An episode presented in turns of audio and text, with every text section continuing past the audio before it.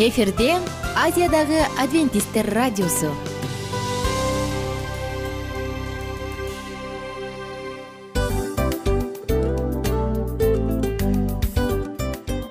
Достор салют.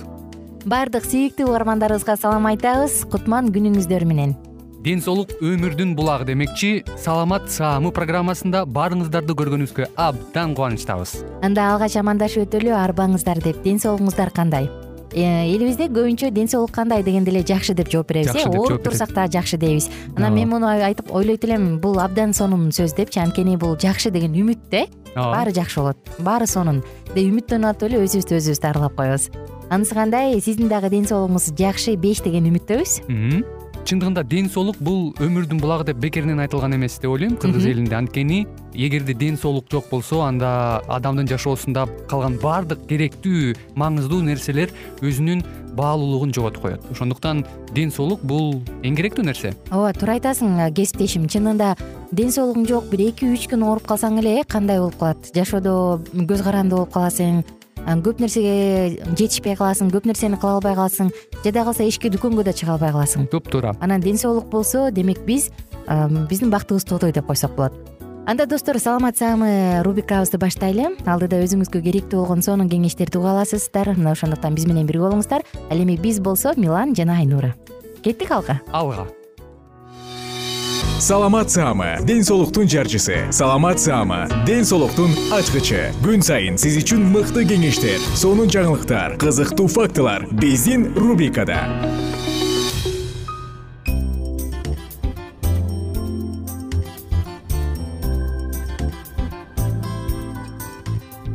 кутмандуу күнүңүздөр менен баардык угармандарыбызга сагынычтуу салам айтабыз дагы. Сиздер менен биз кийинки саламат рубрикасын баштадык. Бүгүнкү тема эс тутумду кантип жакшыртыш керек?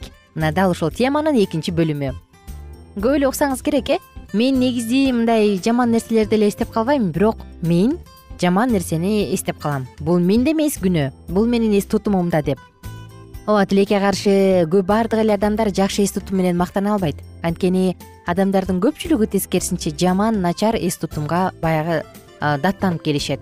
Кандай болсо дагы достор бир азбы же көппү кээде керектүү маалыматтарды унутуп калганда ай-яй-яй деп каласың дагы жаман болосуң э? Эс тутум бизге абдан керек. Эмесе карап отурсаң негизи унутуу процесси кандай болот? Аны дагы даана практикалык түрдө көрүүгө мүмкүн эмес. Бирок биз бир нерсени унутуп калабыз. Керектүү нерсени унутуп калабыз. Анда аны эмне кылыш керек бүгүн мурунку темабызда эсиңизде барбы? Мурунку уктурууда биз эс тутумду кантип бекемдеш керек? Ушул жөнүндө бир аз сөз кылганбыз.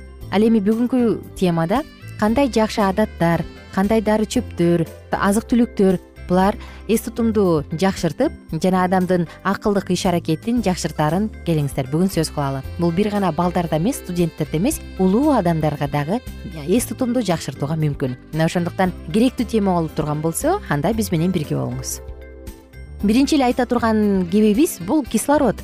Эгерде кислород мээге жетишпесе эч бир маалыматты мээде сактап калууга мүмкүн эмес. Ошондуктан терең терең дем алып аэробикалык көнүгүүлөрдү жасап колдон келишинче каныккан май жана холестериндерден баш тартып мээге кислородду көбүрөөк бергенге аракет кылыңыз. Кийинки кезекте физикалык жана психологиялык стресс булардын баардыгы ошондой эле уйкунун аздыгы дагы эс тутумду начарлатат колдон келишинче тынчсыздануудан качыңыз жана бир эле убакта бир нече жумушту жасагандан качыңыз. Кийинкиси окуу үйрөнүү жана тапшырмаларды чечүү. Булар дагы мээни машыктырат анан ал эмес достор интеллектуалдык көнүгүүлөр адамдын нейрондорунун ортосундагы байланышты синапстарды жакшыртып эс тутумду жогорулатаарын дагы айтып өтүшкөн демек бул иштейт. Кийинки кезекте эс тутумду жакшыртыш үчүн е витаминине бай азык түлүктөрдү жеңиз. Бул өндүрүлгөн буудай жана андан жаңы сыгылып алынган май миндаль жана башка жаңгактар. Кадимки эле күн караманын уругу зыгыр майы булардын баардыгы тең е витаминине бай азыктар. Ошондуктан нейрондордун иштешин жакшыртыш үчүн бул нерселерди жеп койгонду унутпаңыз андан сырткары достор е витамини бир гана эс тутумду жакшыртыш үчүн эмес мыкты эс тутум үчүн өтө керек деп айтылган. Адамда е витамини жетишпесе демек анын эс тутуму начар. Е витамининин ролу жөнүндө айтсак ал эң мыкты күчтүү антиоксидант ал эркин радикалдарды нейтралдаштырат жана нейрондорго атака кылган баардык эркин радикалдарды жок кылат. Ошондуктан достор колдон келишинче клеткаларда е витамини көп болуш үчүн жогоруда айтылган тамак аштарды жегенге аракет кылыңыз. Дагы бир тамак аштын группасын тобун айтсак бул бета каротинге бай азыктар. Алар дагы мээнин иштешине абдан керектүү. Бул кайсы азыктар десеңиз сабиз манго апельсин өрүк абрикос жана аш кабак булардын баардыгы тең бета каротиндин мыкты булагы күнүнө жок дегенде ноль бүтүн ондон сегиз миллиграмм бета каротин жеп коюңуз. Бул сиздин эс тутумуңуздун начарлашын алдын алат. Ал эми эки бүтүн ондон бир миллиграмм жей турган болсоңуз сөзсүз түрдө улгайып калган учурда дагы сизде альцгеймер оорусу жок болот. Мындай коркунучтуу болбойт кийинки кезектеги дагы бир кеңеш бул с витаминине бай азык түлүктөр.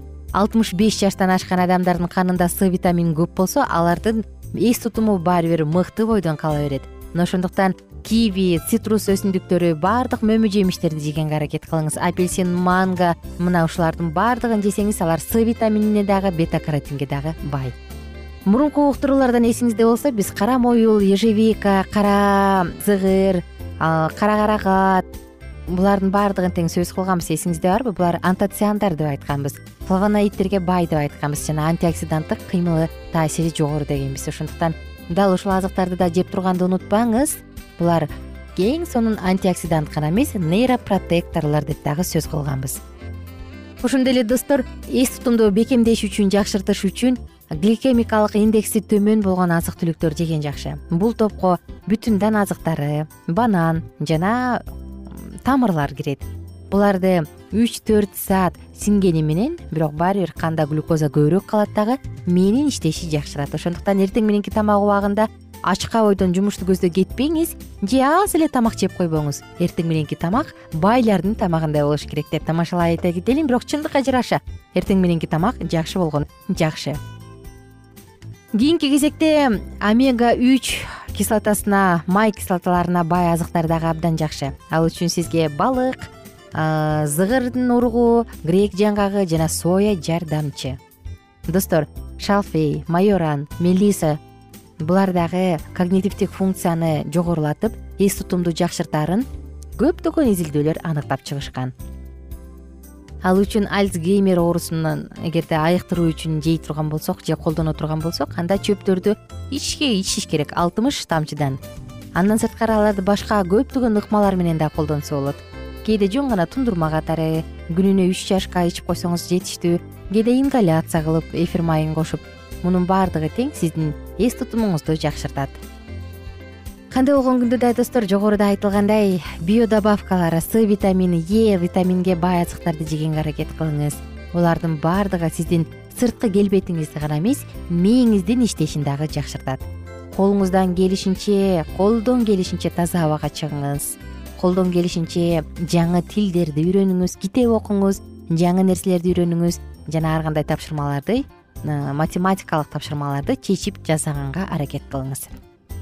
Булардын баардыгы бир гана сиздин ден соолугуңуз үчүн ал эми сизге кааларыбыз бекем ден соолук оорубаңыз эс тутумуңуз мыкты болсун болгондо дагы жашооңуздагы жакшы күндөрдүн баардыгы эсиңизде калсын. Кайрадан амандашканча күнүңүздөр көңүлдүү улансын баарыңыздар бар болуңуздар саламат саама ден соолуктун жарчысы. Саламат саама ден соолуктун ачкычы. Күн сайын сиз үчүн мыкты кеңештер сонун жаңылыктар кызыктуу фактылар биздин рубрикада. Салют замандаштар баарыңыздарга ысык салам. Дил маек программабызга кош келиңиздер. Дил маек рубрикасы дегенде эле бул эмне болгон дил маек ким менен маектешебиз деп сурайт болуш керек угармандарыбыз бул рубриканы кыскача тааныштыра кетип турган болсок ар тарап кесип ээлеринен болгон сонун интервью кеңештер бар. Ооба. жылдыздар менен болгон маек бар. Аталарыбыздын агаларыбыздын чоң аталарыбыздан сонун кеңештер бар. Ошондой эле эже сиңдилердин кеңештери бар айтор. Баардык кызыктардын баары алдыда. Негизи эле адам баласы бир кимдир бирөөнө ишенип сырын ачкысы келет эмеспи э мындай баарлашууга жакын келебиз го. Албетте негизи бир жерге отуруп алып кенен шашпай баягы жүрөктөн жүрөккө ачып сырларыбызды ар кандай көйгөйлөрүбүз менен бөлүшүп баягы чын жүрөктөн маек курганды кимибиз сүйбөйбүз э? Ооба десең ал нерсеге суусап да келебиз да. Ооба кээ бирде адамга чындыгында баягы э, ысык маек баягы жылуу маек жетишпейт да. Ошондуктан биз ушул рубриканы ойлоп тапканыбызда эң биринчи эле достор сиздер менен чын жүрөктөн бир маңыздуу темаларды козгоп кеткени э, кааладык. Ошондуктан ушундай сонун бир рубриканы тартуулап жатабыз. Анын үстүнө радио дагы сонун дос да анткени э, мындай учурда досуңа айтсаң досуң досуна айтат досу досуна айтат да анан бүт өлкө билип калышы мүмкүн го. А радио болсо сени сатпаган сенин айыбыңды ачпаган. Сенин сырыңды эч кимге айтпаган сонун дос мына ошондуктан биздин алдыдагы айта турган кеңештерибизди биздин досторубуздун кеңештерин угуп анан ал жака пикириңизди дагы калтырып кайрадан биз менен байланышсаңыздар болот. Деги эле жашооңузга эгерде кичине болсо дагы өзгөрүү алып моралдык жактан моралдык жактан сонун бир кеңештерди алсаңыз демек биз максатыбызга жеттик. Ооба. Чыңгыз атабыз улуу жазуучу э, чыңгыз айтматов айткандай адам болуу бул күнүмдүк процесс экен. Күн сайын адам бойдон калуу бул адамзатка эң эле кыйын дейт э? э эң кыйын дейт. Чындыгында бунун негизинде адамдын эң баягы сапаттуулугу адамдын э, адамгерчилиги жана көптөгөн керектүү нерселер. Мына ошол темалар дагы бизде э, ушул дил маекте биз аларды да козгойбуз. Ден соолук жөнүндө да сүйлөшөбүз. Сөзсүз түрдө анан милан мырза негизи айтып коюшат го. Биз көбүнчө эмнени ойлонсок ошол нерсеге карата иш кылабыз го. Ооба. Анан анысы кандай? Балким бул радио баракчада кимдир бирөөнүн оюн текшергенге жардам берет кимдир бирөөнүн жүрөгүн текшергенге жардам берет. Балким кимдир бирөөгө жашоонун маңызын тапканга жардам берет айтор кызыктын баары алдыда бул жөн гана кыскача жарнама анда угармандарыбыздын баардыгын кийинки рубрикабызга чакырабыз. Ал эми кызматта маңдайымда отурган кесиптешим милан жана мен айнура. Анда эмесе биз даярдаган терең терең ойлор менен таанышууга кеттик. Алыс алыс баралык. Анда эмесе достор биз менен бирге болуңуздар. Алдыда эң кызыктуу маалыматтардын баардыгы бир нече мүнөттөр бою жалгыз гана сизге арналат. Мына ошондуктан жакшы маанай менен угууну каалайбыз. Үн алышканча. Жөнөдүк. Ар түрдүү ардактуу кесип ээлеринен алтын сөздөр жүрөк ачышкан сыр чачышкан сонун маек дил маек рубрикасында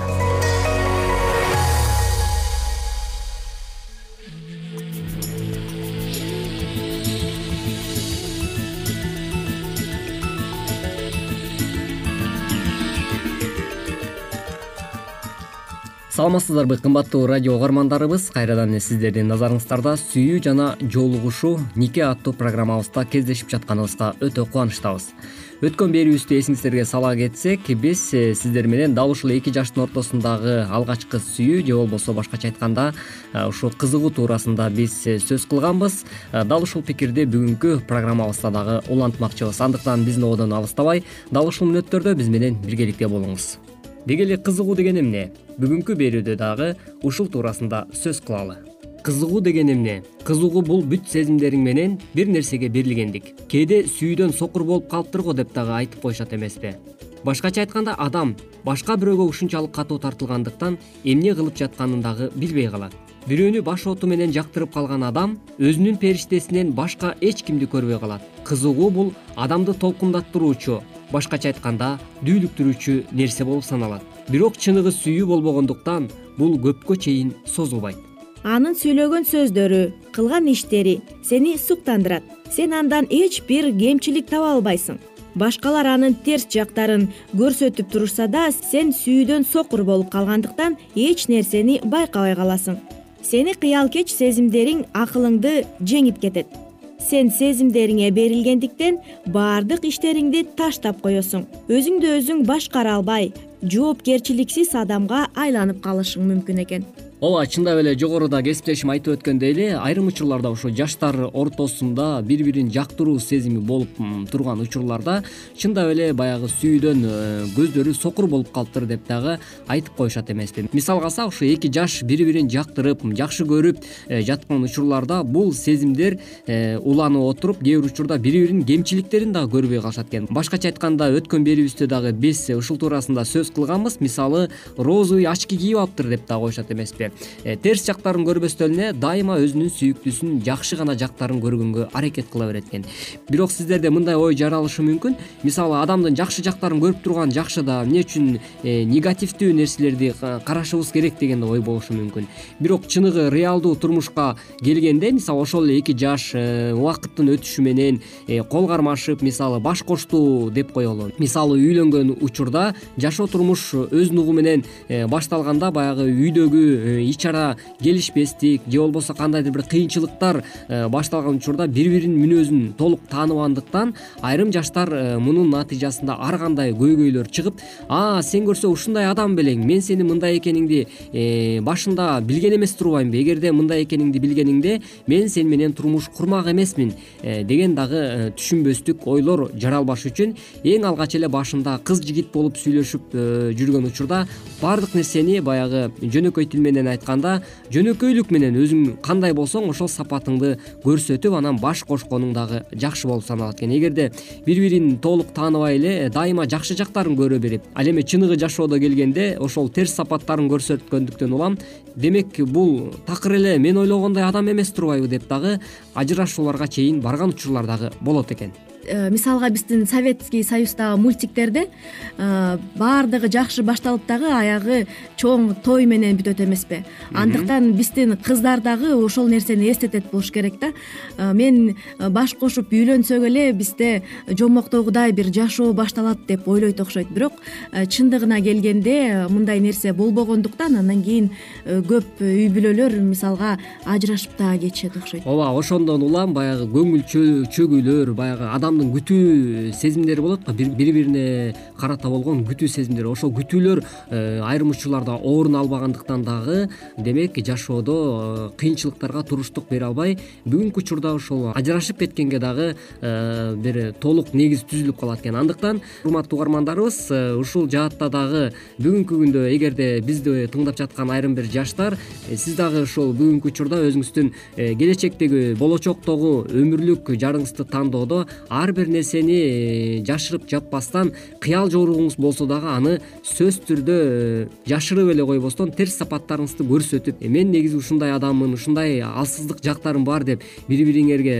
толугу менен өзүңөрдү баягы көрсөтө алган болсоңор анда жашоодо дагы жеңил болот деген ойдомун мисалы кызыгуу менен сүйүүнүн ортосундагы биз жакшы бөлүп алышыбыз керек экен да. Кызыгып калган адам мисалга э, эч нерсе кылгысы келбей өзүнчө кыялкеч болуп кыялга батып жүргөн кыздан мисалга э, каныкей сага эмне болду? деп биз э, суроо салсак сен аябай өзгөрүп кеттиң десек ал суроого мынтип жооп берет экен. Мен бирөөнү сүйүп калдым депчи. Мисалга азыркы жаштар дагы ушул нерсени баштан өткөрүп жатса дагы керек болуш керек да ооба сөзсүз түрдө айрыкча ушул мектеп курагында мектептен кийин студенттик убакыттарда көбүрөөк ушу жаштардын арасында бири бирин жактыруу сезимдери көбүрөөк өрчүп турган учур болот эмеспи. Э, демек бул жаатта дагы э, сөзсүз түрдө ушул бир эле адамды э, мен сүйүп калдым анан ошо менен эле мен өмүрүмдү өткөрбөсөм болбойт деген сыяктуу бир э, кездешет эмеспи. Андыктан э, бул жаатта дагы өзүңүздүн болочок өмүрлүк жарыңызды дейбизби. Жогоруда биз айткандай эле сүйүктүүңүздү тандоодо бир көрүп эле жактырып калган э, адамды эле ушул менин сүйүктүүм деп эле баягы жогоруда биз айткандай розовый очкини кийип албастан ар бир нерсени баягы акыл калчап дегендей иш кылган болсоңуз анда бул жашоодо сөзсүз түрдө баягы өмүрлүк жарыңыз менен баш кошууда дагы э, татыктуу жана ошол учурда э, туура нукта жашап өмүр сүргөнгө жакшы өбөлгө болот деген эле биз э, оюбузду билдиргибиз келет. Жактырып калуу бул чыныгы сүйүү эмес экен. Ушул кыз жөн эле ошол жигитти жактырып калган.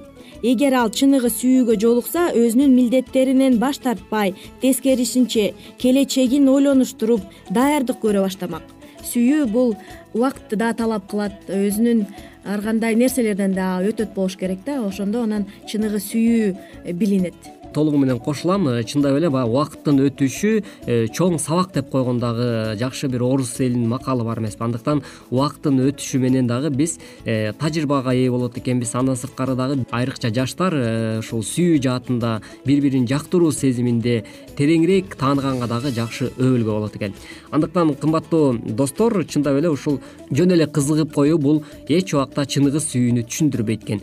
Андыктан бул жаатта дагы бүгүнкү берүүбүздө назар салганыңыздар үчүн ыраазычылык билгизебиз. Ушуну менен бизге бөлүнгөн убакыт дагы өз соңуна келип жетти. Ооба кымбаттуу достор э, сүйүү менен кызыгууну чын эле айырмалап билишибиз керек экен. Э, бул жашоодо ошондо. Гана э, биз жашоодо туура тандоо кылат экенбиз. Кийинки берүүдөн дал ушул аба толкундан үн алышканча сак саламатта болуңуз.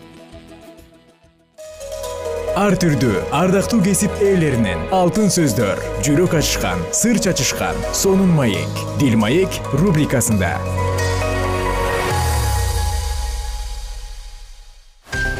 жан дүйнөңдү байыткан жүрөгүңдү азыктанткан жашооңо маңыз тартуулаган жан азык рубрикасы.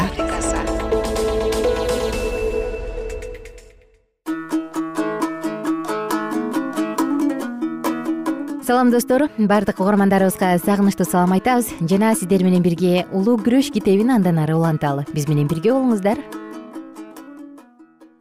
Кудай адамдарга өзүнүн сапаты жана күнөөгө кандай карай тургандыгын ачып берген теңир пендесин сүйгөн теңир эң ырайымдуу эң сабырдуу эң кайрымдуу акыйкат кудай. Миңдеген тукумга мээримин сактай турган айыбын кылмышын жана күнөөсүн кечире турган. Кудай аны сүйгөндөрдүн баардыгын сактайт адил эми адилетсиздиктерди жок кылат. Ал эми мыйзамсыздардын баардыгы талкаланат адилетсиздердин акыры кыйроо.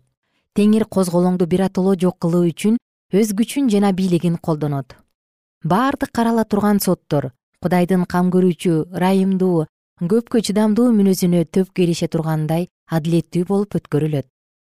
Теңир эч кимди мажбурлабайт жана эч кимдин эркин басырынтпайт. Ага кулдай болуп баш ийип туруу эч кандай канагаттануу бербейт. Ал өз колу менен жаратылгандар аны сүйүү менен кызмат кылуусун каалайт анткени ал сүйүүгө татыктуу. Кудай адамдардын өз эрки менен угуусун каалайт анткени аларга анын даанышмандыгын адилеттигин жана боорукердигин таанып билүү берилген. Ал жөнүндө туура түшүнүк алган адамдардын баардыгы кудайды сүйүшүп анын сапаттарына таң калуу менен ага ыкталышат теңир өз үлгүсү менен бизге үйрөткөн боорукердик ырайымдуулук жана сүйүү негиздери кудайдын жаратылышын толугу менен ачып көргөзөт. Машаяк дагы мындай деп айткан атамдан алган нерселерди гана силерге үйрөтүп жатам. Жана башка эч нерсе жөнүндө силерди окутканым жок. Кудайдын башкаруусундагы негиздер өз душмандарыңарды сүйгүлө деген куткаруучунун насыяттары менен тыкыз байланышта болуп турат.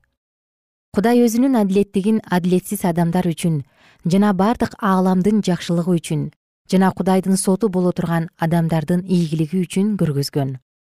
Кудай адамдарды өзүнүн мыйзамынын жана адилеттигинин негизинде бактылуу кылгысы келет. Ал аларды өз сүйүүсүн белгилери менен курчап койгон.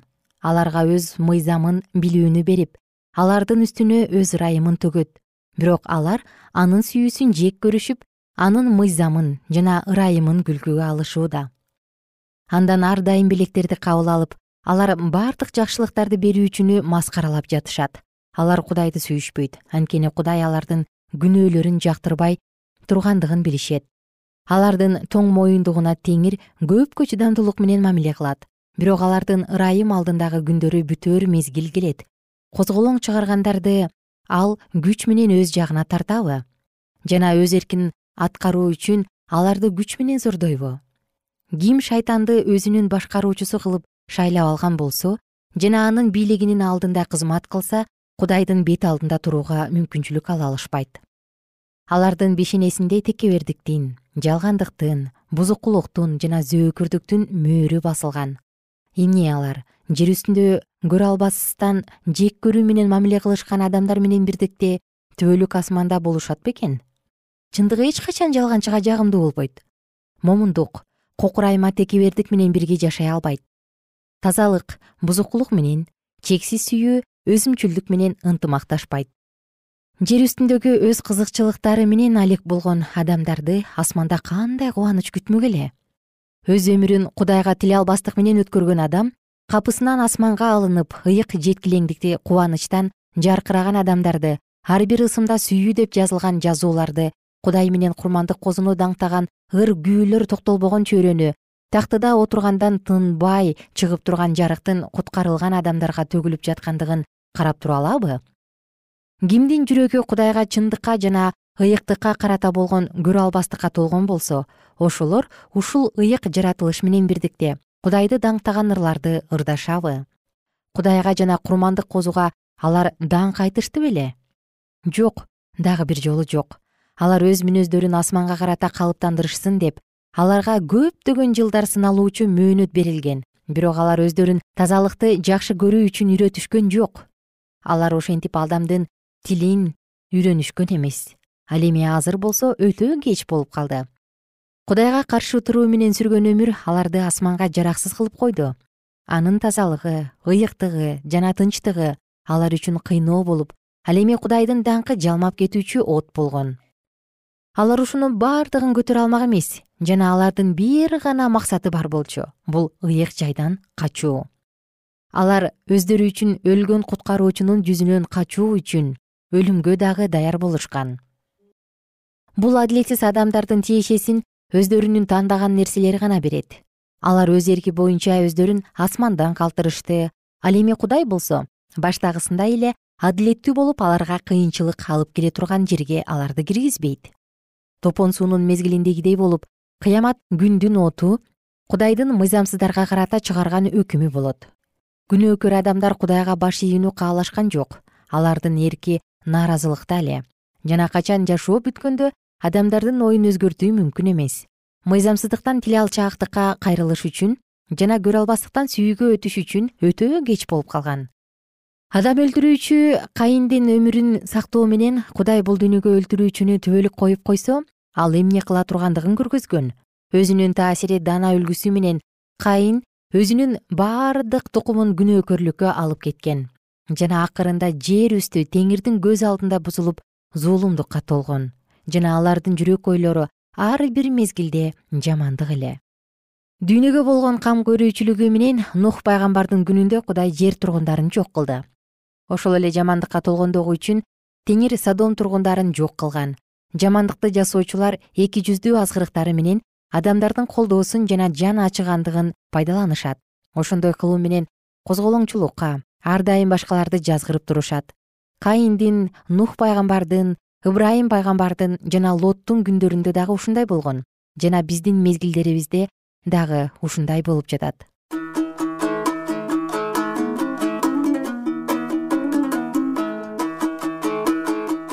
Кымбаттуу замандаш сиздер менен улуу күрөш китебинен дагы үзүндү окуп өттүк биз менен бирге болуңуздар кийинки уктурууда уктуруубузду улантабыз. Ар бириңиздерге көңүлдүү күн.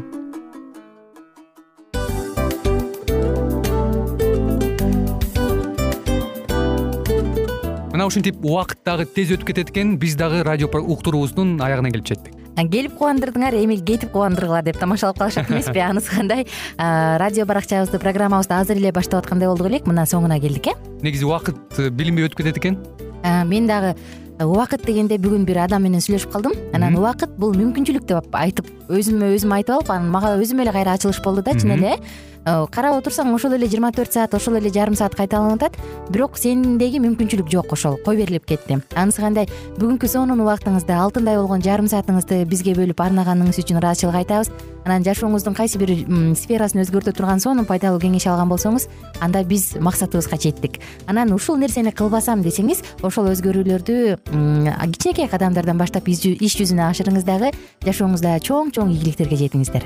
Чын жүрөктөн ар бир берилген сөздөр сиздерге пайдасын алып келет деп ишенебиз. Жана кийинки уктурууларда сөзсүз түрдө чыдамсыздык менен сиздерди күтөбүз. Сагынычтуу салам айтып кайрадан дал ушул жыштыктан баардыгыңыздарды тосуп алганча. Кызматта мен айнура жана кесиптешим милан. Анда кол пулгалайбыз жалпыңыздарга ийгиликтүү күн. Саламатта калыңыздар